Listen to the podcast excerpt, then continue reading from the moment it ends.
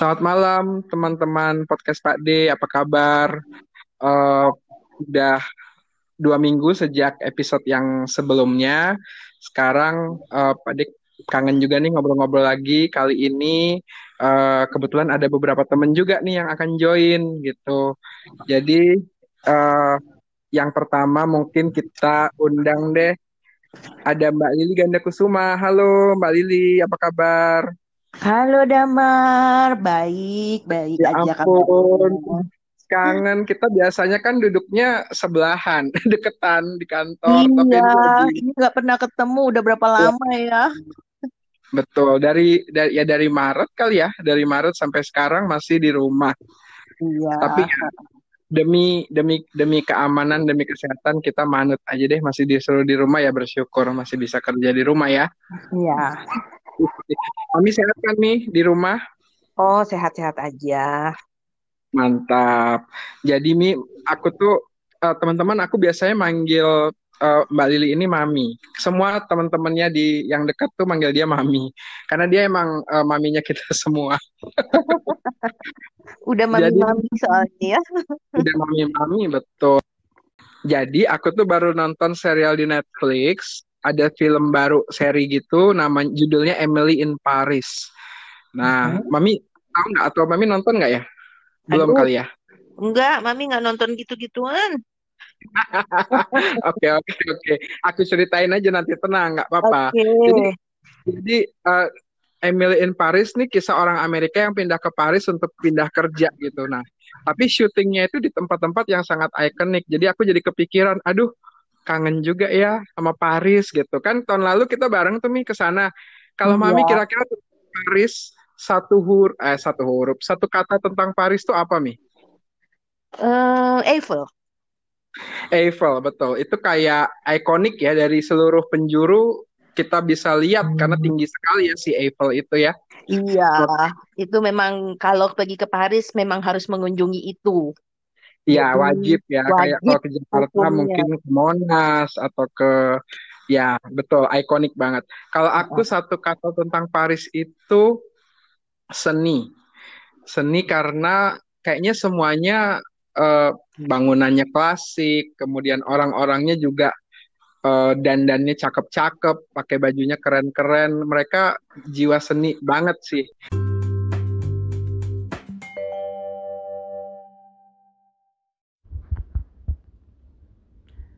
Tapi biar lebih seru Mi, ada nih sebenarnya satu temen yang ternyata dia nih pernah loh tinggal di Paris jadi seorang Parisien. Kita panggil aja ya Mi. Bonjour, Mr. Peter. Allô, bonjour, comment ça va? Ça va Sabar, bien, sabar. merci. Euh, Udah, oui, kita je, bisanya segitu aja. je vais bien Kita moi, merci. Habis itu bingung kita jawabnya apa. Kita sebangsa bonjour, vous plaît, merci, udah itu doang. Tapi itu penting, itu penting. Kalau nggak nanti nggak disapa loh Ya, sama orang Paris. Orang Paris paling senang kalau itu ada, penting ya. hmm, kalau ada orang asing, Ah, bonjour, uh mereka senang itu. Setidaknya ya. oke oke. Hmm. Ya sama kayak kita juga ya kalau boleh ngomong terima kasih kan kita merasa dihargain gitu ya, merasa Betul, wah mer- dia mau belajar bahasa kita nih gitu. Bang Peter betul. apa kabar by the way? Baik, baik. Sehat, alhamdulillah syukur. hmm, Damar gimana? Sehat-sehat Bang, sehat.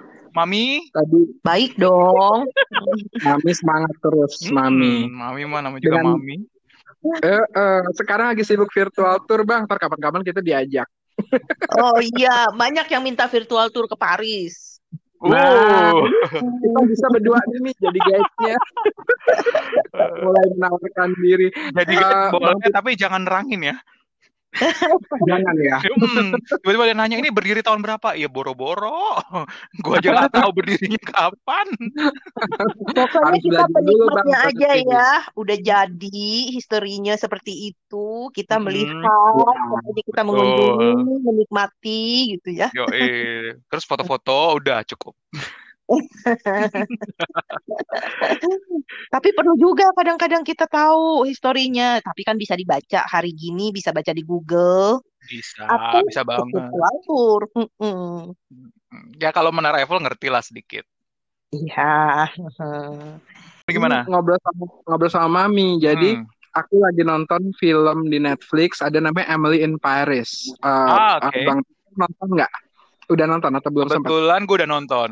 Karena penasaran ya banyak Oh, orang oke. kan yang ini ini ini gitu. Lagi heboh ya, lagi Lagi rame ya. heboh, Ya itu betul. kayak drama anak muda lah ya. Eh, Mm-mm. apa ceweknya cakep, cowoknya ganteng di Paris pula udah impian banyak orang gitu kan. Mm-mm. Nah, jadi aku tuh jadi keingat, aduh, iya Paris ya, seru nih waktu tahun lalu kan kebetulan kesempat ke sana sama mami gitu, Mm-mm. uh, barengan. Jadi makanya malam ini kayaknya seru nih kita ngobrol sama Paris, ya kita ajak lah Bang Peter sebagai dulu Oh, dia sana. preman Parisnya tuh. Aduh, preman. Iya. orang Batak di mana jadi preman sampai Paris juga dia jadi preman. Berapa tahun Peter di sana? Eh, s- totalnya 20 bulan sih. Jadi hampir 2 Hampir tahun. dua tahun. Hampir 2 tahun. Oke. Kirain Oke, lahir sana. Itu itu Bang Peter tahun berapa tuh? Atau uh, cerita dikit deh. Aduh, udah lama Kira-kira banget ya.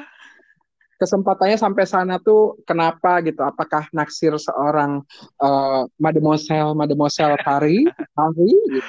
Atau Enggak, bagaimana? jadi ceritanya sebenarnya ya keberuntungan sih. Jadi sesudah Oke. sesudah gue lulus S1, nggak usah disebut tahunnya kali ya. Hmm. Tua banget, Nggak usah, Nggak nggak usah. Kita semua semua muda di Oh, sini, dia muda. oh. Jadi ya kira-kira 2018.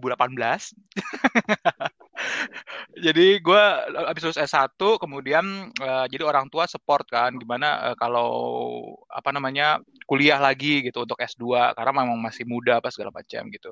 Terus ya oke, gue oke aja, gue seneng aja sih disuruh kuliah lagi gitu. Nah lagi cari-cari kuliah, kemudian ada buka pendaftaran untuk beasiswa eh, ke Prancis gitu. Nah gue iseng sih sebenarnya benar-benar iseng aja coba ngelamar kemudian ya akhirnya keterima gitu. Tuh, nah, Itu ngelamarnya dari Indonesia nih. dari Indonesia dari Indonesia. Jadi itu beasiswanya eh, pokoknya master untuk ngambil master di Prancis gitu, Mami. Oke. Jadi hmm, jadi habis itu gue eh, apa belajar bahasa dulu di Indonesia eh, kurang lebih lima bulan dulu di Indonesia lima enam lima bulan lah lima bulan di Indonesia habis itu berangkat nah gue berangkat ke Prancis itu masih lanjut dulu kuliah bahasa. Jadi Mhm. berangkat sekitar bulan Mei gue berangkat kemudian eh, gue sampai di kota Toulouse. Itu nama kotanya eh, di Prancis Selatan. Itu kuliah bahasa lagi lanjut. Jadi kayak summer kuliah bahasa summer gitu ya. Itu sampai bulan September. Kemudian September gue mulai kuliah. Nah, kuliah S2 kemudian waktu itu ngam- eh, ngambilnya master di bidang engineering ya eh, teknik teknik material tuh Wow. itu di kota La Rochelle nah ini gue tulis di buku sebenarnya nanti bisa Weh, bisa dibaca bukunya Oh Nah, jadi- iya, oh, Pengalaman dia menerbitkan ya. buku ya si Peter Iya. ini. keren, keren, keren, keren. Judulnya apa? judulnya Judulnya itu kuliah eh, emang enak kuliah di Prancis Nah, mungkin pendengar-pendengar podcast Pak D yang mungkin kepengen sekolah atau mungkin adiknya atau anaknya mungkin Hmm. eh, bisa baca ya buat kira-kira seperti apa sih step-stepnya atau pengalaman di sana gitu ya. ya gitu jadi Jadi apa tuh? Mm, Jadi tadi eh, ke Tulus, Tulus ini kalau nggak salah headquarternya Airbus, ya, benar betul nggak? betul Ah, itu berapa jam dari Paris nih? Kalau kita taunya Paris kan ibu kotanya ya. Tulus di- kalau naik tergantung. Jadi kalau kita naik pesawat itu sekitar satu setengah jam. Kalau naik eh, kereta, Hmm. kalau nggak salah ya tergantung karena sekarang kan banyak ada kereta cepat, ada kereta malam, juki juki Iya, juki kereta malam. Ah. Jadi kalau kereta malam itu bisa berangkatnya sore dari Paris kemudian nyampe nya pagi. Tapi kalau kereta Oke. cepat itu lewat Bordeaux kalau nggak salah 6 jam. Jadi kayak Jakarta Surabaya kira-kira Iya. ya, satu setengah jam terbang. Oke. Kalau Ra- La Rochelle deket Tulusnya ya? Enggak, La Rochelle itu di sisi barat sebenarnya itu sekitar 500 kilo dari Paris. Kalau naik mobil sekitar Oke. 4 jam, kalau naik kereta cepat dua setengah jam sampai tiga jam lah. Oke, Roger. Mm. Nah, Bang, lo sebagai orang Jakarta nih, Hmm. lo kan dari Jakarta sebelumnya sampai dari lahir sampai kuliah lo di Jakarta ya, kok nggak salah ya? Eh, lahir kebetulan di Oh. Kalimantan, tapi gue Oh, oke. eh, mulai dari sekolah lah, mulai dari SD, SD ya, SD, itu gue di Jakarta terus menerus. artinya orang Jakarta lah ya. Terus tahu-tahu lo terbang ke Prancis, ke Prancis. Hmm? Eh, perasaan lo inget nggak waktu itu perasaan lo gimana? Emang ini oh ini impian gue gitu, atau cengok banget atau gimana tuh? Jujur sih perasaan gue waktu itu lebih banyak cemas takutnya sih daripada excited. Karena problem paling utama tuh bahasa. Jadi walau Ah iya jadi iya iya. karena kan ya seumur umur bahasa kita belum benar kan paling Inggris lah gitu. Itu juga gue nggak jago-jago amat bahasa Inggris gitu ya. Terus Iya tiba-tiba iya gue iya. harus ini belajar bahasa baru hanya dalam tempo waktu lima bulan. Terus gue langsung harus pergi ke negara itu dan harus sudah bisa bersosialisasi lah kira-kira kayak gitu. Jadi Nah, lebih banyak lebih kalau banyak takutnya sih daripada Mhm. excited. Oke, oke.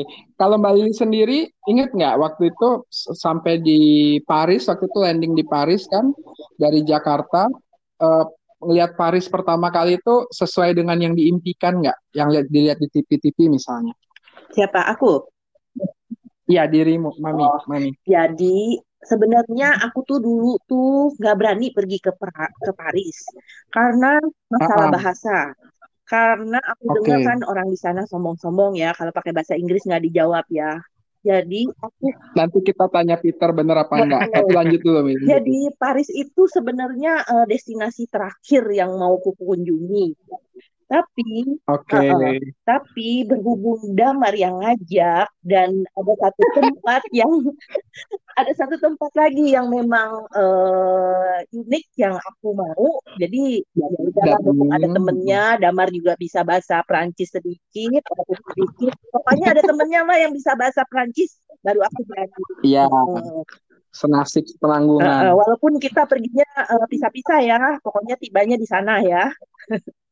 Betul, betul. Iya, iya, iya. Oke. Tapi kalau kalau eh, nah balik lagi tuh tadi, emang orang Paris tuh mereka nggak mau pakai bahasa Inggris ya Bang Peter? Emang begitu sifatnya? Aduh, Coba sebenarnya di, diklarifikasi. ya sebenarnya agak bisa dibilang secara general seperti itu. Jadi gini orang Prancis itu Oke. punya apa istilahnya deterfier. Jadi eh confident, Kebanggaan, kebanggaan gitu ya. Bangga pride banget, gitu pride-nya ya, sangat tinggi kayaknya. gitu. Jadi mereka menjunjung tinggi sekali Mm-mm. bahasanya gitu.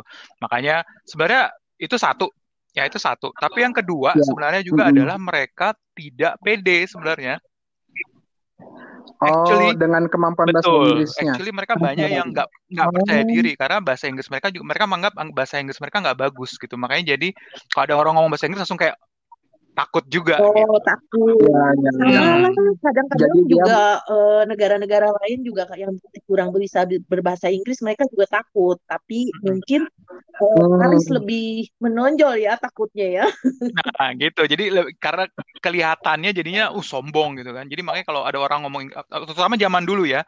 Gue inget banget zaman ya waktu gue kan dan ini ketahuan lagi ininya umurnya. Lama ya, udah zaman lama lebih dari 10 tahun 2018, 2018. nggak apa-apa lebih dari 10 tahun yang lalu yang pasti nah itu memang benar-benar susah gitu untuk ketemu orang yang Prancis misalnya tiba-tiba mau ngomong bahasa Inggris ngebantu gitu Oke, mesti even yang muda-mudanya juga gitu ya Bang ya. jadi itu pernah kejadian pengalaman Hmm. gue juga eh, waktu gue di Paris jadi gue inget banget waktu itu ada turis juga gitu gitu tiba-tiba yang negur gue terus dia yang dia Mm-mm. nyentuh gue gitu tiba-tiba dia buka peta terus dia pakai hmm, hmm, hmm, hmm, hmm, hmm. maksudnya dia, gitu terus gue bilang what can I do for you dia langsung thank God you speak English dia ngomong gitu Karena dia takut dijutekin kalau ngomong bahasa Ah, Inggris gitu gitu. ya. Dan gue nggak ngerti kenapa dia milih gue, Ah, tapi kebetulan karena gue ya gue bisa bahasa Inggris kan, jadi akhirnya gue bilang ya what can I do for you? Terus dia bilang gue mau ke ini gitu, gue mau menara Eiffel gitu. Gimana caranya? Iya, Akhirnya gue iya. kasih tahu. Nah kayak gitu gitu. Jadi memang ya kondisinya seperti itu sih gitu. Jadi memang satu mereka bangga banget dengan bahasa mereka, tapi yang kedua juga mereka sebenarnya ada perasaan itu gak confident untuk Uh, inferior, inferior uh, uh, berbicara bahasa insecure, insecure untuk berbicara bahasa Inggris Inggris. sama. Uh, kalau kayaknya tahun lalu uh, sudah lebih uh, udah nggak kayak yang Bang Peter bilang ya mungkin nggak belum banyak tapi artinya kalau kita di restoran atau apa di tempat-tempat yang emang uh, wisata gitu kayaknya udah mulai lumayan ya ingat nggak? Iya, Iya ta- tahun lalu kayaknya udah lumayan terbuka meskipun mungkin belum kayak negara-negara lain gitu ya uh, ngomong bahasa Inggrisnya gitu. Nah uh, Bang Peter sendiri kan uh, di La Rochelle, tapi apa sempat tinggal di Paris Oh, juga? sempat. Jadi waktu itu gue kuliah di La Rochelle itu sam- dari mulai Oh, September oh. sampai Februari. Jadi program gue kebetulan adalah program eh, master yang mengharuskan gue untuk eh, apa tuh namanya internship. Nah, magang Magang ya, gitu ya? magang. Jadi waktu itu gue magang, kebetulan gue magangnya di eh, Total ya. Total udah nggak ada sekarang ya kalau dulu. Sekarang. PHM ya. Oh ya betul. Total ENP INP ya ya. kalau Dulu dulu kayak dulu masih namanya Total. Vina Elf. Total Vina Elf. dulu. Oke. Jadi waktu itu gue di ya magang di situ di total dan di Itu berapa lama? Berapa lama terpaksa tuh? terpaksa nih gue harus ke Paris. Heeh. Jadi gue tinggal di Oh, Paris oke mulai oke. ya enam bulan lah, mulai dari Maret sampai September tahun itu. Hampir Oke gue oke. sebut. Terus ah, ah, tahun itulah Eh, pokoknya. Waktu di sana tuh eh, tinggal tinggalnya kayak si Emily itu nggak sih di apartemen yang di apa Chambre de Bon Chambre de Bon apa bang? Apa tuh? Oh, yang dia punya wilayah ya. Gue juga nggak inget sih. Gue nontonnya nggak terlalu detail banget sih. Ya. Oh jadi si Emily ini diceritakan dia tinggalnya di apartemen yang bangunan Hmm? tua, terus di lantai paling Ya. atas. Lantai paling atas ini eh, kalau katanya tuh eh, tempat untuk housemate-nya lah. Kalau ada asisten rumah tangga atau eh, driver, kamarnya itu paling atas dan sempit kayak Hmm. cuman berapa tiga kali lima atau Iya, iya. berapa dan nggak ada nggak ada liftnya nih. Nah dulu kalau tinggalnya nggak di bangunan nggak di apartemen tua Kebetulan gitu gue waktu juga. itu tinggal di apartemen, cuman apartemennya agak modern karena waktu itu kan gue eh, magangnya tuh di Total ya. Total itu kan kalau di Paris itu Mm-mm. ada daerah namanya La Défense. Jadi La Défense tuh kayak di ujungnya Paris. Itu daerah Ah modern. ya ya Jadi kalau orang kan biasa bilang, oh kok Itu di sih Paris nggak ada ini, nggak ada bangunan tinggi. Nah bangunan tinggi itu di La Défense itu. Jadi bangunan modern di situ. Daerahnya namanya La Ah, kemarin tuh kita mau ke sana. Eh, Mami ingat nggak eh, Mbak Chandra? Kebetulan kita tinggal di tempat teman kan, Mbak Chandra. Dia kerja di Schlumberger. Area kantornya di La Défense Hmm, itu katanya di ujung naik metro iya, tuh paling Metro ujung kalau nggak salah. Ah, ah, bener. Cuman kita belum sempat main ke area sana sih. Hmm, Ke, katanya kantor-kantor memang eh, perminyakan banyak di situ ya. betul. eh, si La Jadi itu. headquartersnya Eh, total di situ. Jadi waktu itu gue bangunannya baru, tapi ya memang pada dasarnya ya apa istilahnya apartemen Prancis tuh memang kecil-kecil. Iya, mungkin harga tanah mahal juga kali ya kalau udah di kota gitu. betul. Tapi memang kalau yang gue lihat mereka tuh sangat mempreserve eh, bangunan ya. Kalau bicara di tengah kota, kalau kita jalan ke, uh, gue sama Mami waktu itu dari arah mana ya, gue lupa. Oh, dari arah ini, dari arah depannya Louvre. Mhm. Depannya Louvre ada taman apa tuh, Bang? Jardin Eh, Jardin, de Tuileries. Tu- Tuileries. Jardin de Ya, Jardin de Tuileries. Terus kita jalan ke arah eh, opera, eh, apa namanya? Opera. Opera. Boulevard de Haussmann. Iya, iya. Nah itu, itu kan eh, daerah pertokoan bangunan-bangunan tua ya. Eh, terus gue tuh diceritain juga tuh waktu itu kita sempat join ini ya Mia, join Kita walking join tour. walking tour. Jadi kita Betul. kan Nah kata dari Saint Michael ya. Saint Michel. dari patung Saint, Saint Michel, Iya, Saint Saint Michel Michel. Nyusurin apa Sungai Ya. Seine ya, Ya. nyusurin Sungai Seine, eh, lewat Pont des Arts, kemudian diceritain lah apa namanya eh, ya ke arah Louvre, Hmm. kemudian akhirnya di Jardin de Tuileries gitu. Tapi pas kita tour, dia cerita bahwa emang si Prancis ini, eh di Paris, di Paris ini semua eh, jalan itu berujung pada satu bangunan yang indah gitu. Lu pernah denger itu nggak sih Bang? Jadi kayak misalnya jalan yang yang ujungnya si opera itu kan opera itu cakep banget tuh Hmm. eh, bangunannya. Jadi Hmm. kayak eh, kalau kita kan kalau di Indonesia banget orang ya. menghindari bangunan bangunan tusuk sate nih. Kalau di sana tuh sengaja ada tusuk sate dan dibikin cakep. Jadi Hmm. orang tuh kalau jalan atau kalau nyetir atau apa ngelihatnya tuh ke something yang cakep gitu. Itu dia ceritain begitu tuh si guide-nya waktu itu. Jadi bangunan-bangunan di jalan itu memang yang tusuk sate itu Mm-mm. sengaja dibangun eh, gedung-gedung yang indah, gitu kan? Hmm. Supaya Hmm, ya ya ya. ya. Heeh, jadi supaya kalau kita eh, melewati jalan-jalan melihat eh, melihat gedung-gedung yang indah tersebut biar kelihatan ditaruhnya Hmm, di tusuk, betul tusuk betul. sate Iya, iya, iya. Iya, iya, iya, benar. Jadi hampir semua jalan-jalan gede, avenue-avenue itu ada ujungnya ada bangunan yang indah-indah itulah salah satunya si Opera Garnier itu ya, Iya. yang dekat Galeri Lafayette gue ingetnya. Betul, Ya, betul. nah oke. Bang Peter, Hmm. kalau misalnya lo Hmm? Daerah yang lo sukain di di Paris tuh di di mana? Atau spesifik area atau Waduh, tempat tujuan? banyak sih. tujuan ya atau eh, kalau Ya. misalnya gini deh, kalau misalnya pendengar podcast Pak Demo ke Paris, eh, selain Eiffel yang udah jelas atau Louvre, Hmm. mereka harus ke mana? Ya, kalau gue sih bi- Selain biasanya kalau gue biasanya membaginya sih gini. Jadi eh, yang mau turistik atau enggak itu dulu deh. Walaupun sebenarnya Paris itu Oke. hampir semuanya turistik ya. Jadi artinya banyak turis gitu. Tapi ada beberapa Iya, daerah iya. yang memang mungkin less turis gitu. Kenapa ya? Karena biasanya kan turis tuh lebih ke ya tempat-tempat yang memang apa sih Populer populer, yang udah famous hmm, yang gitu ya. famous gitu ya. Ya gitu. Jadi ya tadi kayak eh, kalau yang populer tuh biasanya ya tadi opera ya udah disebutin sama Damar sama Mami juga. Kemudian jangan lupa Iya. Champs-Élysées itu juga sangat populer. Champs-Élysées, ya. Mm-mm. Champs-Élysées itu yang pertokoan mewah-mewah itu ya, Bang betul. ya? Pertukaran Iya. mewah yang nanti Ah, oke. kalau ujungnya yang tadi seperti dibilang tuh Ujungnya ada si Arc de Triomphe. ah yang bundaran Ya, gede bundaran terus ada kayak ada gate, yang gate yang gede. Kita foto-foto ya nih di bundaran itu ya, Iya, Mi. kita kan Wajib. Itu wajib. Wajib ya. Nanti kita pasang di Instagram ya fotonya gue sama Mami Oke. narsisan. kita kan nah, gue juga ada foto di situ, jangan salah. Ntar gue scan Nah, deh. nanti tolong share ke gue, kita pasang foto kita Iya, bertiga biar tambah eh, populer.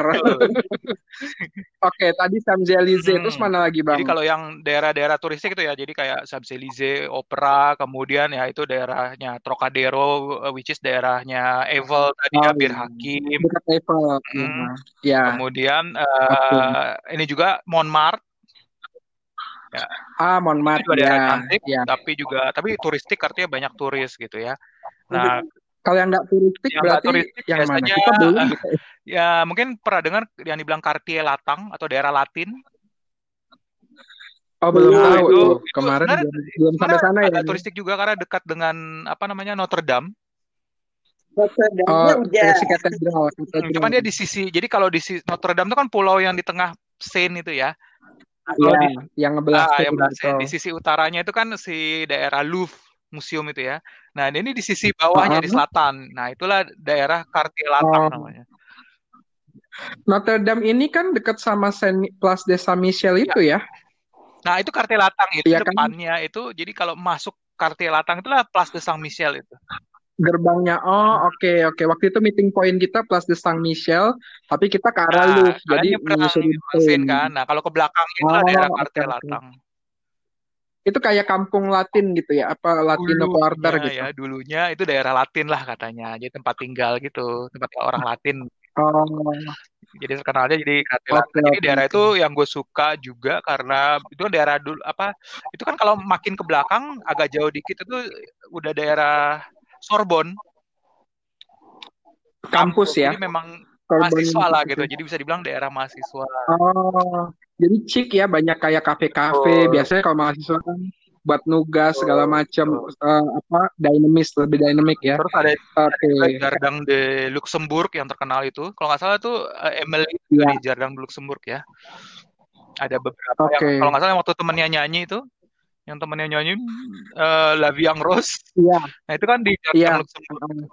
Nah itu juga di daerah situ, Oh, oke, Depre oke. atau da- daerah eh, Cartier Latang gitu. Oh, oke, oke, oke. Hmm. Kalau Mami kira-kira ada yang favorit nggak dari yang kemarin kita dateng? Aku suka ke itu eh, apa basilikanya itu loh. Oke, Ke ke toko. basilika itu. Sacré-Cœur, Heeh. Sacré-Cœur ya. Heeh. Terus kan Bacanya naik gimana, ke atas tuh, pemandangan dari atas juga bagus kan, bisa melihat seluruh seluruh Paris kali ya itu ya. Iya, Heeh. Dari depan gereja itu ya, Dari dari depan depan. Sacré-Cœur. Nah, itu aku suka banget itu. ya itu Hasil daerah Montmartre namanya. Oh, Montmartre ya. Heeh. mm. Eh, selain itu, aku juga suka yang pergi ke atas ke Galeri Lafayette itu. Oh ya kita ke rooftop, Bang. iya, Oh, begitu. ya ya ya Eh, ya. eh, dari rooftop kita bisa lihat operanya, kita bisa lihat Eiffel, Betul. Eh, dan itu gratis kan ya. Ya. Jadi ya udah kita sunsetnya Mi itu sore ya. Iya, sunset nongkrong banyak orang juga kan di sekitar tapi tempatnya kan gede gitu ya. Jadi ya kita duduk aja ambil eh, nyenek, ambil minum, Hmm. lihat sunset eh, Eiffel gitu cakep sekali sih, luar biasa. Enaknya sambil Itu minum champagne ya, minum champagne terus makan eh, apa kue-kue gitu. Oke, um, merinj apa sih? Eh, ya atau makaron, croissant. makaron. Makaron, benar, makaron. Oke, kalau aku aku suka banget sama Montmartre sih terus terang. Ya, Montmartre tuh kayak kayak ke kota lain aja, kayak kota lama ya bentuknya. Kayak kalau Paris kan memang dia bangunannya juga klasik-klasik ya, tapi sibuk kan, eh, orangnya bajunya keren-keren gitu. Begitu ke Montmartre orang santai, ada yang duduk ngelukis, ada yang duduk ngopi-ngopi gitu. ya. Jadi, Eh, jadi gini kalau Montmartre itu sejarahnya eh, Mhm. memang itu adalah daerah artis, daerah. Jadi kalau teman-teman apa seniman, teman-teman seniman tahu yang misalnya eh, Picasso ya, De Deca, Desart, bahasa Iya. banyak lagi banyak banyak lagi lah. Gue juga lupa Van nama-nama Gogh juga artisnya. pernah, Van Gogh, Van. Gogh juga pernah Van ya. Gogh juga tinggal di situ gitu. Jadi Iya, iya, kalau iya. zaman zaman dahulu, jadi Paris itu kan tadi udah sempat disebutin nama Damar ya. Jadi terbagi atas yang namanya arrondissement atau daerah ya, wilayah gitu. Zona Kayak zona kecamatan, zona kayak zona zona. Ini zona satu itu yang kecil di dalam nanti zona 2, zona 3. Jadi yang real Paris itu kan zona 1 dan 2 aja. Nah, itu Hmm. jadi dulunya itu si Montmartre ini tuh di Montmartre zona itu luar kota. di luar kota gitu. Jadi tempatnya si Oh. artis-artis ini gitu loh. Iya, iya, karena mahal kali tinggal di tengah ya, maka Betul. tinggalnya di pinggir. Oke, oke. Gitu. Jadi akhirnya Nah, mereka artis yang di baru-baru mulai kali ya. Betul, dari akhirnya sampai sekarang itu jadi kampung artis istilahnya. Hmm, iya, iya, iya, kita tuh ikut walking tour Mon Montmartre juga. Jadi dari mulai eh, teaternya si Moulin Rouge, eh, Hmm. sejarahnya kayak apa. Sayangnya kita nggak sempat nonton show-nya ya, pengen banget sebenarnya. Kemudian Lido. ada, ah, iya benar. Jadi kalau mau milih Ada, antara Moulin Rouge atau Lido, mending Lido lebih bagus. oh, Tapi Lido di daerah? Lido itu di Champs-Élysées. Oh, oke, oke. Mami, kapan kita ke sana lagi nih? Ini Berarti ada ada Paris kedua ya. kita ikut Peter aja. Peter ini tiap tahun dia mudiknya ke Paris, bukan ke Balige atau bukan ke Medan atau ke mana. Dia tiap tahun mampir pergi. Ini lagi ke pandemi aja. Kalau enggak dia udah pergi-pergi aja nih pasti. Ya harusnya tahun ini juga Iya. pergi. Iya, iya. Kapan-kapan kalau sama Peter mungkin eh, karena dia tahu seru tuh kita bisa ditunjukin yang yang nggak biasa. Bi- Kalau yang kita datengin kemarin kan yang umum-umum yang kita baca, yuk kita coba kita ikut tour dan lain-lain. Hmm. Tapi seru sih, seru sih pengalamannya.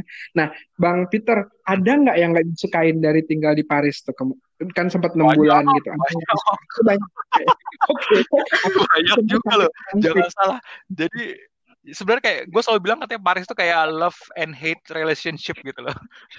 dengan dengan Parisiennya ya, Paris dengan Parisiennya. ya satu sisi gue suka gitu ya suasananya apa ya kayak kayak kayak ya Damar bilang lah gitu kan kayak Emily gitu kayaknya chic gitu ya orang-orangnya Oh, fashionable gitu segala macam mimpi banget gitu. terus yang Bener. mannernya gitu ya gayanya kayak yang bangsawan gimana Anggun. gitu kan eh, Yoi, anggun yes. bourgeois gitu kan tapi kan di sisi, di Yes. sisi lainnya juga ya orang-orang yang nggak pedulian terus Paris tuh kotor ya kalau diperhatiin Oke. pasti eh sorry ini kayak bau Mm-mm. tokai Oh eh ya?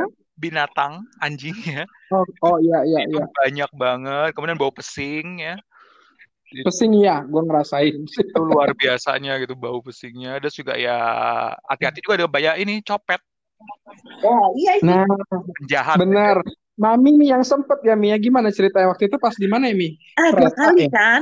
Yang Dua pertama kali, benar. eh, yang pertama kita Cowok. di stasiun ya cowok ya. Jadi Yang eh, pertama lagi mau nanya peta ya kalau nggak salah ya. enggak kita sambil jalan. Kamu jalan di depan, aku jalan di belakang.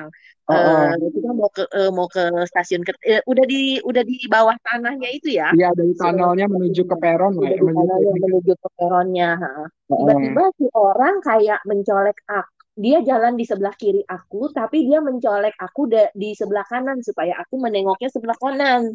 Hmm, Gitu. Tapi dia di, di kiri aku. Cuma ya. karena tas aku ditaruhnya di depan, diselempangin, Jadi itu refleksku juga cepat. Begitu aku nengok ke kanan dia ada di kiri, aku langsung nengok ke kiri lagi. Ya Dan ampun, oke. eh, dan dia pokoknya dia sampai ada di sebelah kiri aku. Jadi aku sempat ngedekap aku punya tas. Tap- Oke, tapi akhirnya nggak nggak ada yang diambil kan waktu itu Mia Tapi sama dia sempat bilang, "What, what?" Dia bilang gitu. Eh, sem- Oke, semacam dia semacam semacam uh, ya? menghindar gitu. Eh. semacam menghindar lah, nggak mau dituduh gitu loh. Ah, ah, oke, untung kita segera sadar ya waktu itu ya. Heeh. Kalau Kalau yang kedua kedua, sudah di sudah di dalam kereta. Jadi kereta kita mau masuk ke dalam kereta itu kan mestinya ngantri eh, penuh, yang ah, ah, yang keluar duluan, yang masuk baru setelah apa ada keluar kan kita masuk kan. Betul. Nah, ya, begitu eh, dia itu kayaknya bertiga atau berempat orang deh. Cewek-cewek itu. muda-muda ya Mia, cewek Ya, Udah cantik punya gitu, masih muda kayak jadi SMA atau SM, SMA kali ya. Heeh. eh, begitu aku masuk kayaknya dia ngerubungin aku gitu loh, ngerubungin aku, tapi terus Hmm. aku juga ngeh tasku langsung ku dekat begitu di depan. Terus Heeh. sebelum pintunya menutup, mereka semua keluar lagi. Ya, Jadi nggak jadi naik kereta ya? Oh, eh. Oh ya, Bang Peter pernah juga punya pengalaman dicopet Bang? eh gue pernah dicopet. Eh, itu malah tapi dulu waktu gue masih waktu kuliah dulu Awal ya eh, pertama, ya belum eh, belum tahu ya medannya. ya dan gue nggak nyangka juga bahwa gue kena gitu loh. Karena ya apa sih istilahnya ya modusnya itu waktu itu gue nggak kenal ya gitu kalau sekarang sih Hmm. gue rata-rata udah hampir kenal dan biasanya gue langsung ngomong bahasa Perancis sih jadi mereka langsung oh oke gitu jadi jadi Ini orang sini gitu ya. hmm, karena mereka biasanya kan eh, cenderung apa istilahnya yang dia kejar itu Oh, biasanya adalah turis dan terutama turis turis ya. Asia Iya Hmm. benar, turis Asia. Hmm, kenapa? Eh, Karena turis Asia itu biasanya hobi bawa duit cash iya banyak. Katanya iya sampai ribuan-ribuan euro gitu kalau buat Betul, belanja. betul. Eh, bukannya pakai kartu kredit gitu ya. Kalau Iya, kita kan biasa pakai kartu kredit, kartu debit, males bawa cash. Dan kalau dia iya, bawa duit begep setep setebek apalagi orang Cina kan baik orang Cina kaya ya sekarang yang jadi yang wisata gitu. hmm, Eh, itu kalau kita ke Galeri Lafayette tadi ngobrol Galeri Lafayette kan kita ke rooftop. Kita hmm. lewat butik-butik itu eh, semuanya orang Asia yang datang. Even eh, shopkeeper, shop attendant-nya tuh bisa bahasa Mandarin. Mereka Bisa sediain bahasa bang. Indonesia juga. Ada yang bisa. Oh, Ada, berarti Indonesia Indonesia ada. lumayan banyak ya yang Oh, shopping-shopping. gak usah ditanya gitu. Biasanya kalau ditanya gitu, misalnya orang nanya gitu pakai bahasa Inggris, dia tanya where you come from gitu, Indonesia. Nanti ada dia ada yang datang tiba-tiba, ya bu, ada yang bisa saya bantu? Oh, iya iya. Gue sampai amazed sendiri. Ya ampun. Terus kan Hmm, kalau di Indonesia kayaknya even butik-butik yang high end gitu, kalau di sana kan masuknya tuh dibatasin, terus dikasih champagne di dalam sambil pilih, ambil mereka shopping gitu, dilayanin banget ya. ya, Eh, Kan ya itu customer adalah raja. Betul betul. Itu pengalaman baru sih. Mi. Kan aku biasa di pasar baru aja belanjanya. Tamrin City. bukan di Lafayette atau di Champs-Élysées. Hmm, Oke, tadi ngobrol tentang Trocadero. Kalau aku Trocadero itu salah satu tempat yang cakep juga sih untuk ngelihat view Eiffel. Jadi eh, kalau teman-teman podcast Pak D mungkin yang eh, belum belum pernah tahu Trocadero tuh posisinya agak tinggi. Eh, kemudian di depannya tuh turunan gitu, baru di depannya menara Eiffel gitu megah gitu. Jadi kita ngelihat Eiffel tuh dari agak ketinggian gitu ya bang ya. ya Jadi kalau foto tuh betul, kalau foto tuh jadinya cakep nggak dari bawah moto ke atas gitu. Jadi the full Eiffel itu sampai puncak kita bisa kelihatan gitu. Nah, tapi di Trocadero ini banyak juga orang-orang kayak imigran Afrika gitu yang jualan oleh-oleh ya bang, kayak kitchen gitu. Iya, Itu iya. aman nggak sih mereka atau mereka kayak bisa jadi mereka bisa copet juga gitu. Mami Hmm. tuh dikerubutin, borong ya. Tampang orang kaya ya, dikerubutin. Mami kelihatan tampang tam, Iya, tampang apa oh. namanya tampang belanja. Oh, oh, madam-madam, madam-madam Pondok Labu lah ya. Itu kelihatan bang? gitu. Emang, banyak banget imigran di sana itu ya? Iya, imigran karena eh, sejarahnya kan eh, ketika Perang Dunia Kedua kan mereka Perancis itu kan banyak hancur ya karena perang yang dengan Jerman ya. Oke. Jadi Heeh. pada saat karena hancur kan mereka harus bangun kembali. Nah, karena untuk membangun itulah mereka kan nggak punya source ya, nggak punya sumber daya manusia. Nah, itulah mereka datangkan dari jajahan mereka yang paling dekat ya, which is di Afrika. Oh, oke. Untuk membangun lagi gitu dan murah. Betul. Oh, dari negara-negara jajahannya Dari- juga itu ya. Betul, dari ya. jajahannya. Jadi ya kalau dari Afrika tuh Afrika kayak eh, apa eh, apa ya Cote d'Ivoire itu ya- yang Afrika Afrika yang istilahnya Afrika hitam ya. Kalau yang Afrika Ya. Utara itu Maghreb, dari Maghreb tuh Aljazair, eh, Maroko, eh, Tunisia. Ter- termasuk Zidane itu juga imigran keluarganya ya. Betul. Si Zinedine Zidane itu Aljazair kalau nggak salah Betul, uh, betul. originnya. Oke, iya. Tapi artinya memang mereka even mereka bisa sep- sepotong-sepotong bahasa Indonesia ya Mia. Berapa gitu? Iya, Satu, dua. banyaknya orang Indonesia yang datang dan belanja.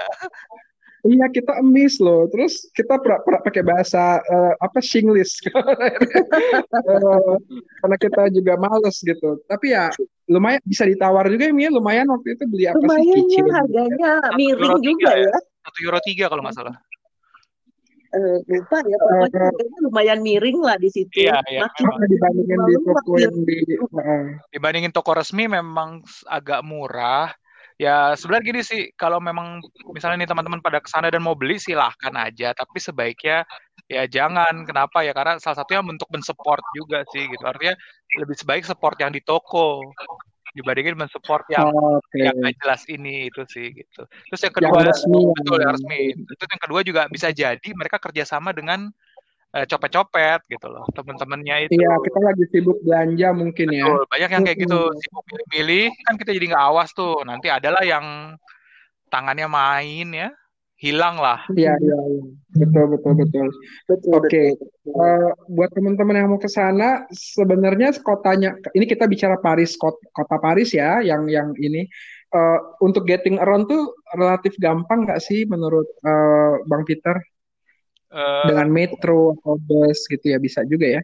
kalau gue sih jujur ya cukup gampang ya. Maksudnya karena metronya juga mudah, eh, banyak cabangnya gitu ke mana-mana kita bisa nentuin mau pergi. Iya, iya. Jadi metro tuh lebih lebih gampang gitu, lebih mudah dan juga cukup on time gitu. Dibandingin bis, kalau bis itu kan ya mungkin kita bisa ngeliat pemandangan dengan bagus kalau naik bis, tapi di satu sisi kan jalanan Paris itu kan kecil ya, makin lama makin macet, padat. Betul. Hmm, jadi nggak bisa on time lagi gitu. Makanya sekarang jadi orang defense-nya sama si eh, metro, tetap metro nomor satu. Iya. Kita kemarin sempat nyoba dua-duanya ya, Mi. Eh, sempat ada yang naik bus, sempat naik naik ini juga. Jadi Aha. kayaknya pakai metro juga gitu ya. Eh, Kita iya, iya, iya. sempat nyoba Tapi memang ya? apa? Hop on, hop off. Kemarin enggak kita, Kita kita ya? eh, jalan sendiri, ya. Cukup jelas di di di map atau di apa peta metronya itu juga untuk orang yang nggak bisa bahasa Prancis juga cukup gampang ya Iya. untuk Iya, diikuti. iya. Karena kan tulisannya Mau tetap jalur Latin kan gitu. ya, Iya, ya, artinya iya. bisa lah kita kita bisa membaca lah. Walaupun eh, Iya. bacanya salah. Ya, itu pelafalannya salah. Eh, kalau ini eh, Bang Pit, Ya. kira-kira untuk eh, biaya hidup untuk kalau kita liburan untuk makan, misalnya apa McD gitu, Hmm. sekali makan tuh kira-kira berapa sih gambarannya? Euro Waduh, berarti ya? ya dalam euro ya, agak-agak susah Mm-mm. sebenarnya kalau ngomong soal biaya hidup.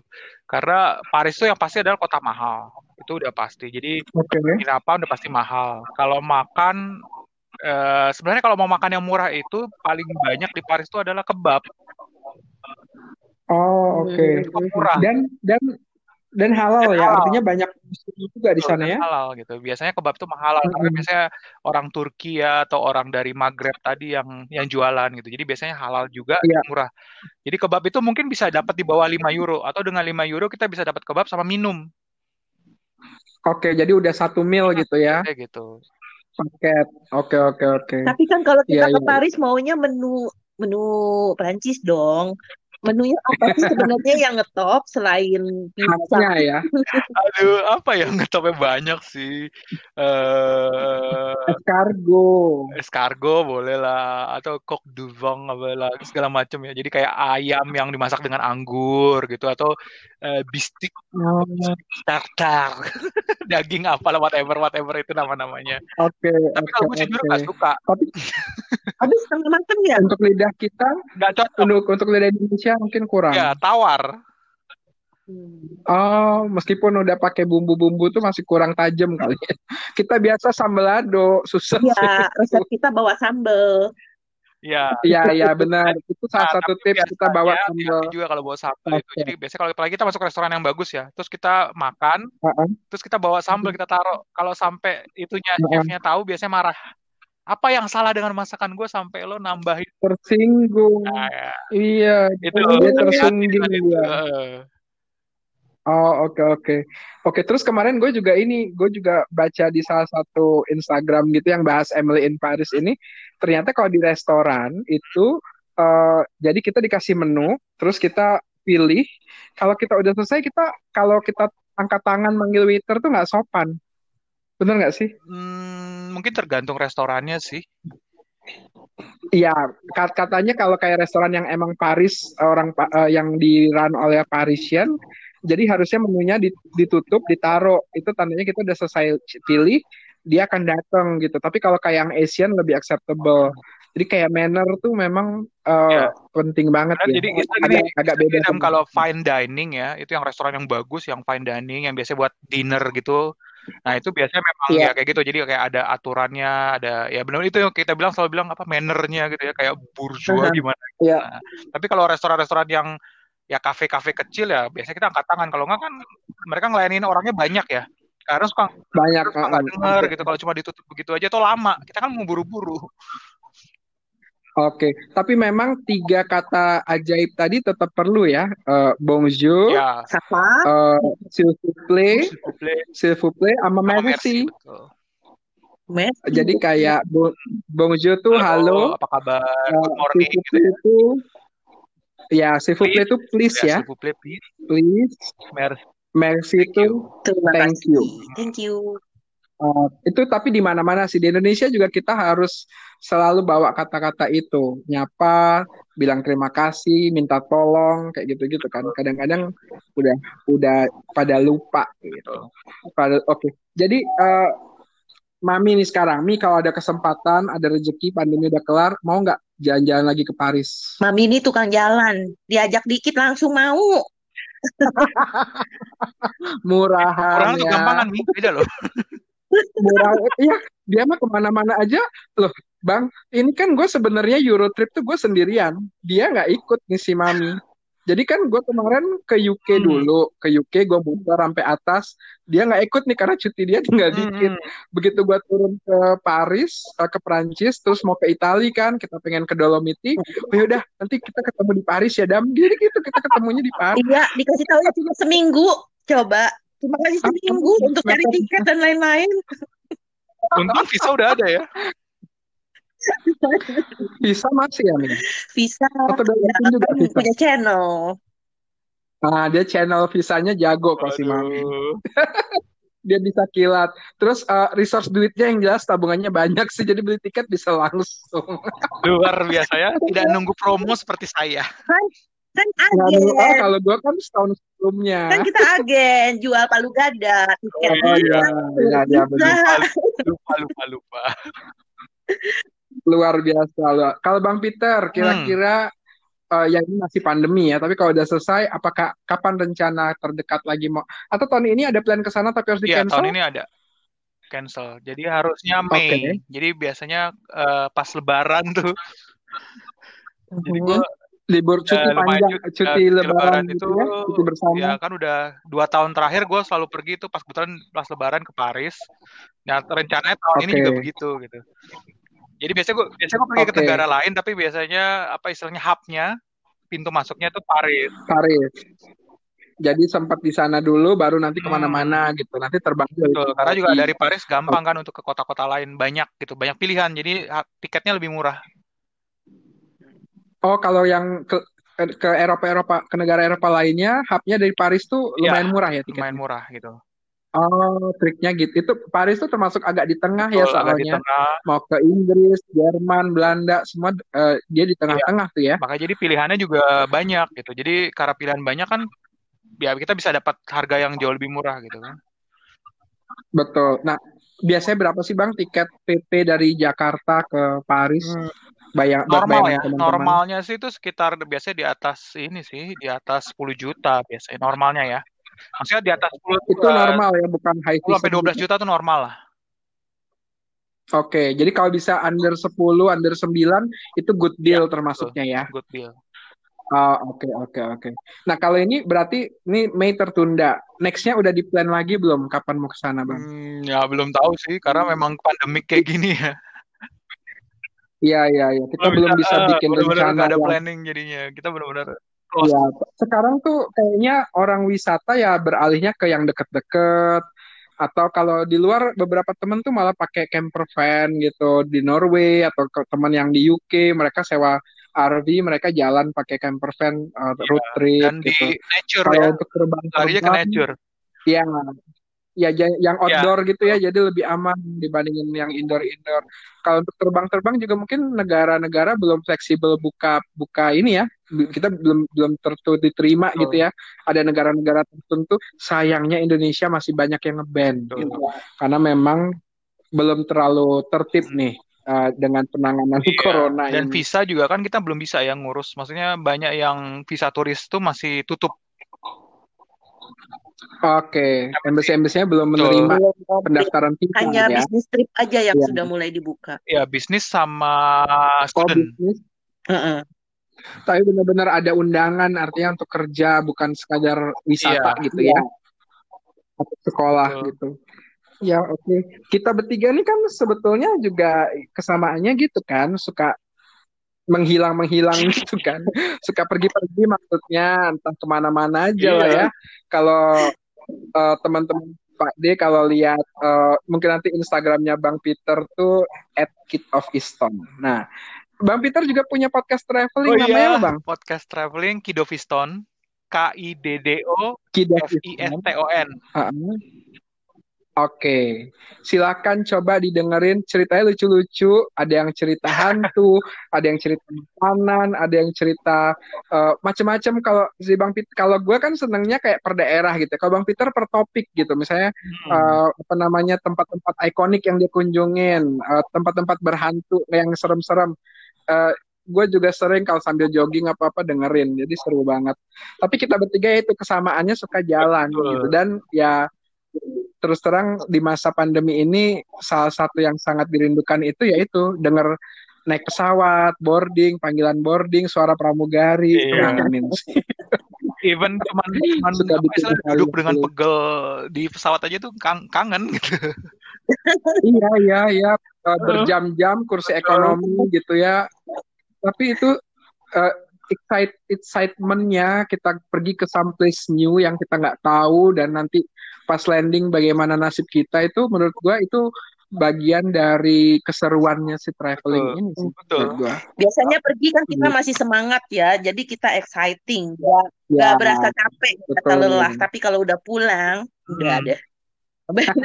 Aduh, ke kantor Iya. lagi, kerjaan lagi, lembur lagi, capek. Tapi ya itulah, itu siklus kan. Betul. Kita cari duit, nanti eh, nem- ngumpulin duit, Betul, betul. cuti, istirahat gitu, jalan-jalan, nanti kerja lagi, Ya, gitu-gitu bisa dibilang aja ya lah. kita kita capek gitu ya jalan-jalan, tapi apa batin itu puas gitu loh. Iya, iya, iya, iya, iya, iya, Hmm, gitu fulfill ya, kayak kayak belajar oh, hal gitu. baru.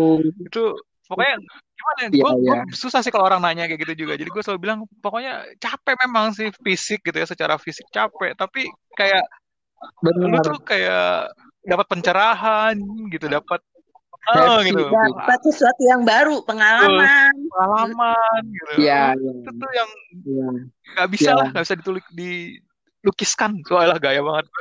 ungkapkan dengan kata-kata. Pokoknya kalau teman-teman Pak D yang dengerin nanti, eh, misalnya nih pengen traveling tapi masih takut-takut, eh, mulai aja dulu gitu. Yang deket-deket deh. Kalau di Jakarta mungkin bisa ke Bandung, bisa ke Semarang, ke Jogja. Sekarang kan lebih gampang naik mobil, ada tol. Di sana banyak tempat cakep-cakep yang bisa dieksplor gitu. Nanti kalau aku udah, bisa kasih trip Hmm? ju- eh, tips juga ya. Kan sekarang sudah mulai banyak gimana? virtual tour. Jadi, kalau misalnya memang mau jalan-jalan ke suatu tempat, ikut dulu virtual tournya, tahu penjelasannya dan lain-lain, cara perginya bagaimana, terus mengunjungi tempat-tempat yang ya, disukain, baru susun pergi ke sana benerannya. Betul. Jadi udah ada bayangan ya nanti bakalan kayak apa di sono Iya. gitu Iya. ya Mia. Heeh. Nah, itu. Bisa, Oke. bisa Nah, kontak iya Mami tuh sekarang kalau yang mau ikutin benar virtual tour. Oh iya, jual tiap benar. Silakan follow IG-nya apa Mi? Eh, bisa di Cemara Ada Travel. IG-nya Cemara Travel. Iya. Nanti kalau kalau mau tahu virtual tour-nya apa aja yang yang Mami eh, kerjain atau Mami punya, Mami ini punya perusahaan travel sampingan lah ya. Dia emang hobi dan dia emang tekunin. Dan sekarang banyak banget virtual tour. Kemarin gue join yang ke Afrika Selatan, terus yang ke Eropa, yang Slovenia dan lain-lain. Gue belum sempet tuh Mi. Kemarin lagi agak ribet. Nanti mungkin next time gue bisa join. Nah, itu eh, tanya saya. Nanti saya akan sambungkan Anda dengan Ibu Lili Ganda Campuran, sang eh, Ratu Travel, Ratu Hmm. Traveling. Anyway, eh, luar biasa malam ini. Ternyata kita udah hampir sejam juga nih cekakak cekikik seneng Iya. banget. Artinya ngomongin liburan aja seneng Iya, kalau Oh iya, belum itu bisa. semangat itu kalau kita ngomongin liburan. iya, salah satu passion gitu kan. Iya. Iya, ini apalagi ngomong dengan dengan kalian ber- kita bertiga ini ya passionnya kan sama, jadi nyambung. Dan ini jadi kayak senyum-senyum. Oh, ya ampun, meskipun belum bisa pergi ya. Oh ya udahlah, eh, kita simpan memorinya, pelajaran kita ambil, kita berdoa corona cepat pergi biar bisa lagi kita explore-explore ke tempat yang baru Betul, gitu ya. Betul, betul, betul. Siap. Terima kasih banget untuk malam ini ngobrol-ngobrolnya seru, udah hampir sejam nggak kerasa. Biasanya eh, biasanya gue kayak eh, setengah jam 40 menit gitu sih. Ini sejam. Ya udah biasa kalau udah ngomong yang begini kan ngalor ngidul gitu ya. Semua Tapi pengen pengen dibahas eh, gitu jadinya kan. Pengen dibahas ya betul. Tapi seru banget pasti eh, kayak sama Bang Peter gue udah pernah IG live. Kalau sama Mami gue emang klub banget eh, kerja bareng, jalan-jalan sering bareng. Jadi mudah-mudahan next time kita bisa punya sesi Dan join-join eh, bareng-bareng lagi ya. jangan nanti kita apa cari. jangan lupa Dam, kita harus bisa Dan jalan-jalan bareng. Kalau gue sama Mami udah berapa kali, sama Damar belum pernah. ah, Hmm. iya ya.